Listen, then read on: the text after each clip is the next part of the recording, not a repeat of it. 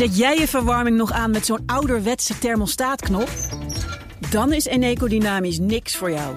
Of bedien jij je thermostaat met een app? Dan is Eneco Dynamisch misschien wel iets voor jou. Doe de test op eneco.nl/slash test om te ontdekken of een dynamisch energiecontract bij jou past. Mensen helpen een bewuste keuze te maken. We doen het nu. Eneco.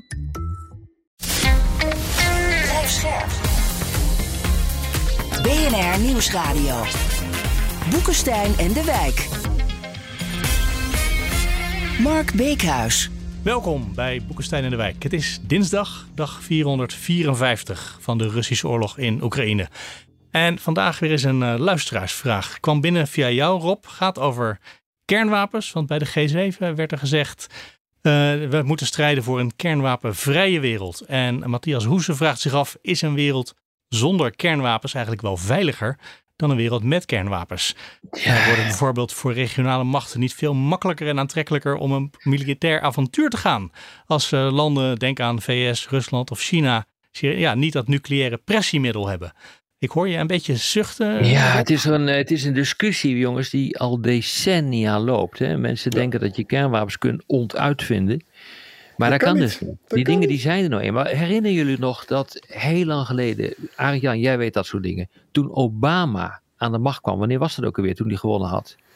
Um, even denken. Lang geleden. Ja, ik weet het niet aan mijn hoofd. In ieder geval Obama, nou die kennen we allemaal nog. Uh, ik ben uh. even de jaren vergeten waarop hij aan uh, de macht kwam. Hij heeft de verkiezing gewonnen. Toen ging hij een grote speech houden. volgens mij was het in Praag.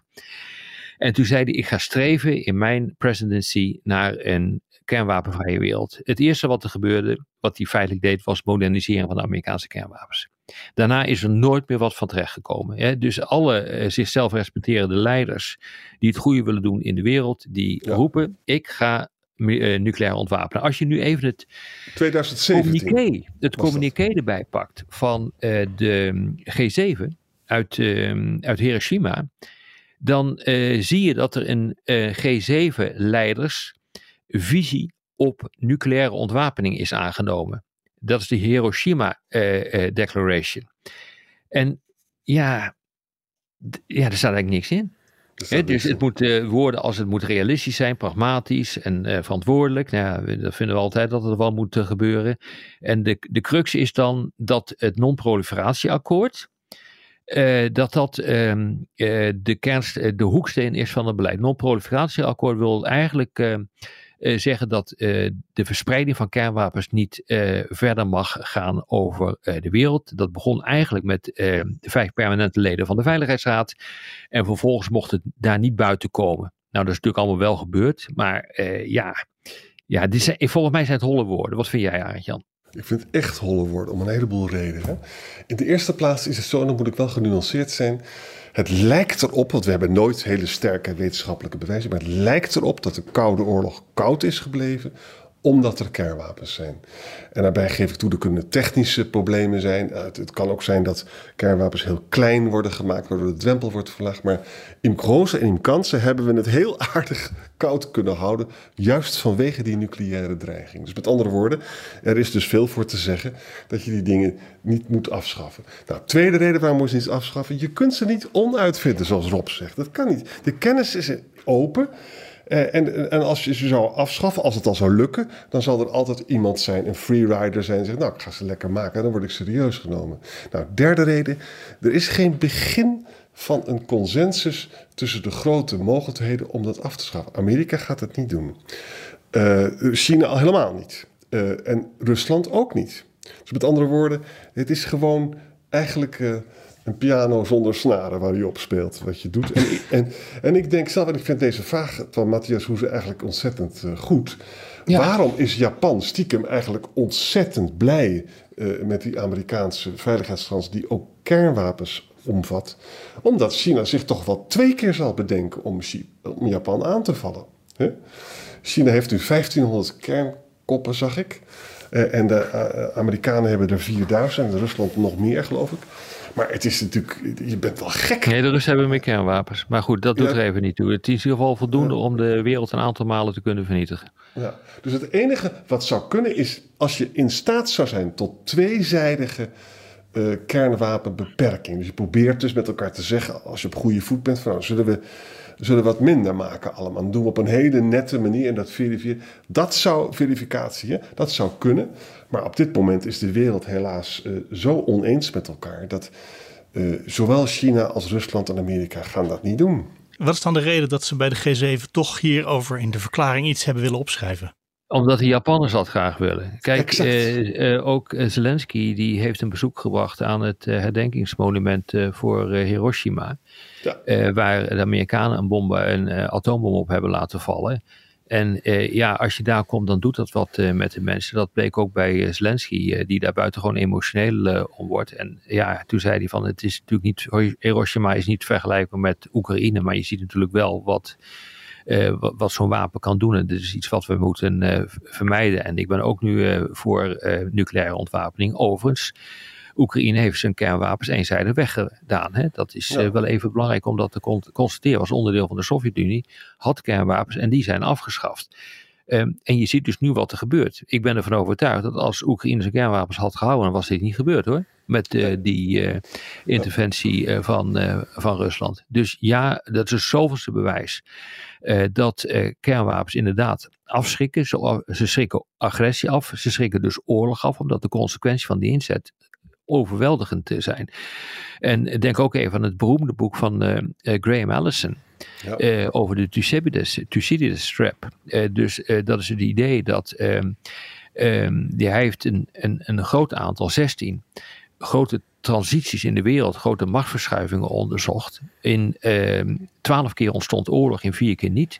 En die vier keer die waren zeer sterk te herleiden tot twee dingen. A, als de transitie binnen het bondgenootschap plaatsvindt, binnen gelijkgestemde landen gebeurt er niks. En als kernwapens erbij betrokken zijn, eh, dan leidt dat ook niet tot oorlog. En dat is ook de grote, het grote punt nu, is dat nu ook weer zo. En dat kunnen we natuurlijk nu nog niet weten, omdat die transitie volledig uh, uh, aan de gang is. En uh, we moeten echt gewoon kijken wat er gaat gebeuren nu met Rusland, China en de Verenigde Staten. Of dit ooit een keer uit de klauwen loopt.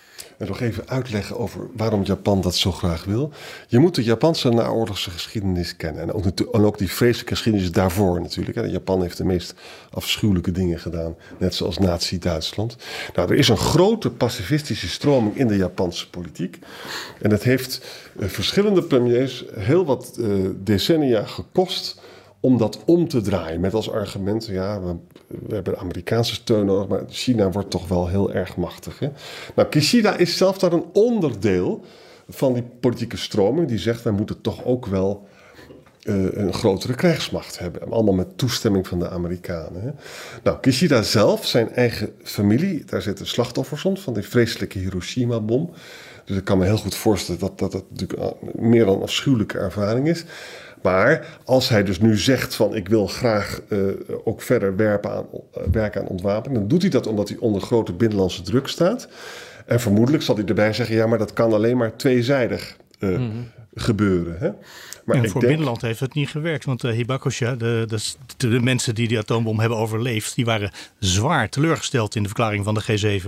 Exact, exact. En die waren, vonden ook dat er drie kwartier dat de, de hooggeplaatsten langskwamen om met ze te praten. Uh, dat was maar drie kwartier. Ze hadden best wel wat langer nodig gehad. Ja. dus het heeft voor binnen niet ja. gewerkt. Nee, het heeft ook niet gewerkt. Nee. Maar als ik de vraag van uh, Matthias binnenste buitenkeer, namelijk is de wereld veiliger geworden door kernwapens, dan zeggen jullie volgens mij ja, wel. Ja, ja maar dat wil natuurlijk niet zeggen dat het nooit fout kan gaan. En wat je nu ziet is uh, opmerkelijk, op zo zacht gezegd. Kijk, tijdens de Koude Oorlog was het zo uh, dat je nooit een conflict zou beginnen met een andere kernwapenmogendheid. Dat deed je niet. Want het risico op, uh, op escalatie zou groot zijn en dat zou het einde van de wereld kunnen betekenen. Dat betekende dat je elkaars invloedssferen respecteerde. En die waren grosso modo afgebakend tijdens de, uh, de Koude Oorlog. Hè. Dus je had landen die aan de communistische kant stond, stonden en landen die aan, laten we zeggen, de Amerikaanse uh, NAVO-kant stonden. Wat je nu ziet, is dat die conflicten gewoon wel worden gevoerd. Uh, en dan wordt er gezegd, ja, het zal dan wel niet escaleren naar een nucleair conflict, want die escalatie wordt nu beteugeld uh, door kernwapens. Dat zou tijdens de Koude Oorlog nooit gebeurd uh, kunnen zijn. En dat is echt een totaal andere situatie. We zien dit fenomeen natuurlijk in Oekraïne. We zien het ook tussen India en Pakistan. Maar we zien het ook tussen China en de Verenigde Staten. En er, wordt, er worden bijna open conflicten. Niet tussen China en Amerika, maar wel in andere gevallen uitgevoerd tussen landen die ook de beschikking hebben over kernwapens ja, er hoeft maar wat mis te gaan. En uh, iemand uh, die komt tot de conclusie dat er een kernwapen moet worden ingezet. En je hebt de pop aan het dansen. Je gaat een, een grens over. Die we nooit eerder zijn overgegaan. Zeker niet als je dat op een slagveld doet. En realiseer je dat die kernwapens die op, op Hiroshima en Nagasaki zijn gevallen. Dat gebeurde op een moment waar de Amerikanen eigenlijk een punt wilden maken om eigenlijk, en in, in de wetenschap dat, ook, uh, dat uh, de, de, de Japanners feitelijk al hadden gecapituleerd. En dit was het aller, allerlaatste setje. Ja. En ze hadden het niet hoeven doen, maar ze wilden gewoon even dat punt te maken. Ook de onderstreping van hun grote macht. Ja. En die situatie daar zitten we natuurlijk nu niet in. Het is nu echt een totaal ander scenario. Zeker, ja. Wat belangrijk is ook van, is, is de persoon die de knop indrukt, is die rationeel of is die irrationeel? Hè? En dat, mensen hebben ook wel eens gedacht van als het in handen van terroristen komt of zo, dan gaat het mis, hè? of van jihadisten. Hè? Nou, ik denk zelf dus dat een, land als China, die heeft een no first, first use uh, verklaring, hè? En hebben ze dat trouwens ook nog ze dat herhaald uh, dit weekend. Ik denk dat die dat niet zomaar gaan doen. Dat het matigend zal werken op de Chinezen. Uiteindelijk hoop ik dat Poetin ook rationeel is. Dat hij dus, hij dreigt er vreselijk mee, maar uiteindelijk zal hij niet doen. Maar het kan, het, je kunt het niet uitsluiten dat hij zo vast komt te zitten dat hij het toch gaat doen. Zeker als je praat over de inzet van relatief kleine kernwapens. Mm -hmm. Dus het is, weet je, het stond, ik denk dus in, in grote omkansen heeft het de Koude Oorlog koud gehouden. Er zijn een aantal momenten geweest waar het bijna is misgegaan. Ongelukken kunnen altijd gebeuren. En dan moet er direct bij worden gezegd, als een ongeluk gebeurt, dan is het ook echt heel erg verschrikkelijk met de wereld. Hè? En daar hebben dus die mensen gelijk in die dat willen. Maar bedenk goed dat als je dus streeft naar eenzijdige kernontswapen, en sommige mensen zijn, ze willen dat, ja, daarmee uh, ga je echt een oorlog veroorzaken. Daarmee nou, dan instabiliteit... breng je daarmee Arend Jan in een hele ongunstige positie. He, de, dus de, de, daar ligt het zeer naïeve idee aan te grondslag dat als je ze zelf wegdoet, dat je, ook niet meer uh, dat je geen agressie uh, meer uitlokt ten opzichte van, van de anderen en dat je dan veilig wordt. Nou, je ziet nu wat er gebeurt met Oekraïne en Rusland. Dus Oekraïne die heeft zijn kernwapens afgeschaft. Eenzijdig. Uh, er is een akkoord. Er zijn veiligheidsgaranties gegeven ten aanzien van Oekraïne. En die worden nu niet ge ge ge eh, gehonoreerd. Dus dat hele idee van eenzijdige afschaffing. Het beste bewijs dat dat niet werkt is Oekraïne op dit, uh, dit ogenblik. en bovendien zul je dan zien dat als een, een supermacht zijn kernwapens gaat afschaffen, dan zullen kleinere mogelijkheden, Noord-Korea is er een fantastisch voorbeeld van, juist gaan investeren in kernwapens, omdat hun dat een enorme macht uh, verschaft. Kijk, zo'n kernwapen zorgt ervoor uh, dat, uh, dat er een nieuw machtsevenwicht ontstaat tussen hele grote landen, supermachten zoals de Verenigde Staten, en kleinere landen, verarmde landen zoals Noord-Korea. De Amerikanen kunnen ook weinig met Noord-Korea gebeuren, beginnen, omdat ze ontzettend bang zijn dat het ontaart in een kernwapenoorlog. En dat treft Amerika ook of de hele regio. Dus dat doe je niet. Dus zo'n klein land, die, die kan enorm effectief buitenlands beleid gaan, uh, uh, gaan, gaan uitvoeren. Om ook de Amerikanen tot concessies te, te dwingen, maar ook om omliggende landen tot concessies te dwingen. Terwijl ze eigenlijk daar op grond van hun status en omvang helemaal ehm, ja, geen mogelijkheden voor zouden hebben als ze geen kernwapens zouden hebben. Pakistan is een mooi voorbeeld. Hè? Die heeft toch Amerika enorm om de tuin geleid met Afghanistan. En ik, je, je, leest, je spreekt wel eens mensen die zeggen dat Turkije zou dolgraag een kernwapen willen hebben. Uh, en en Saudi-Arabië uh, waarschijnlijk ook wel.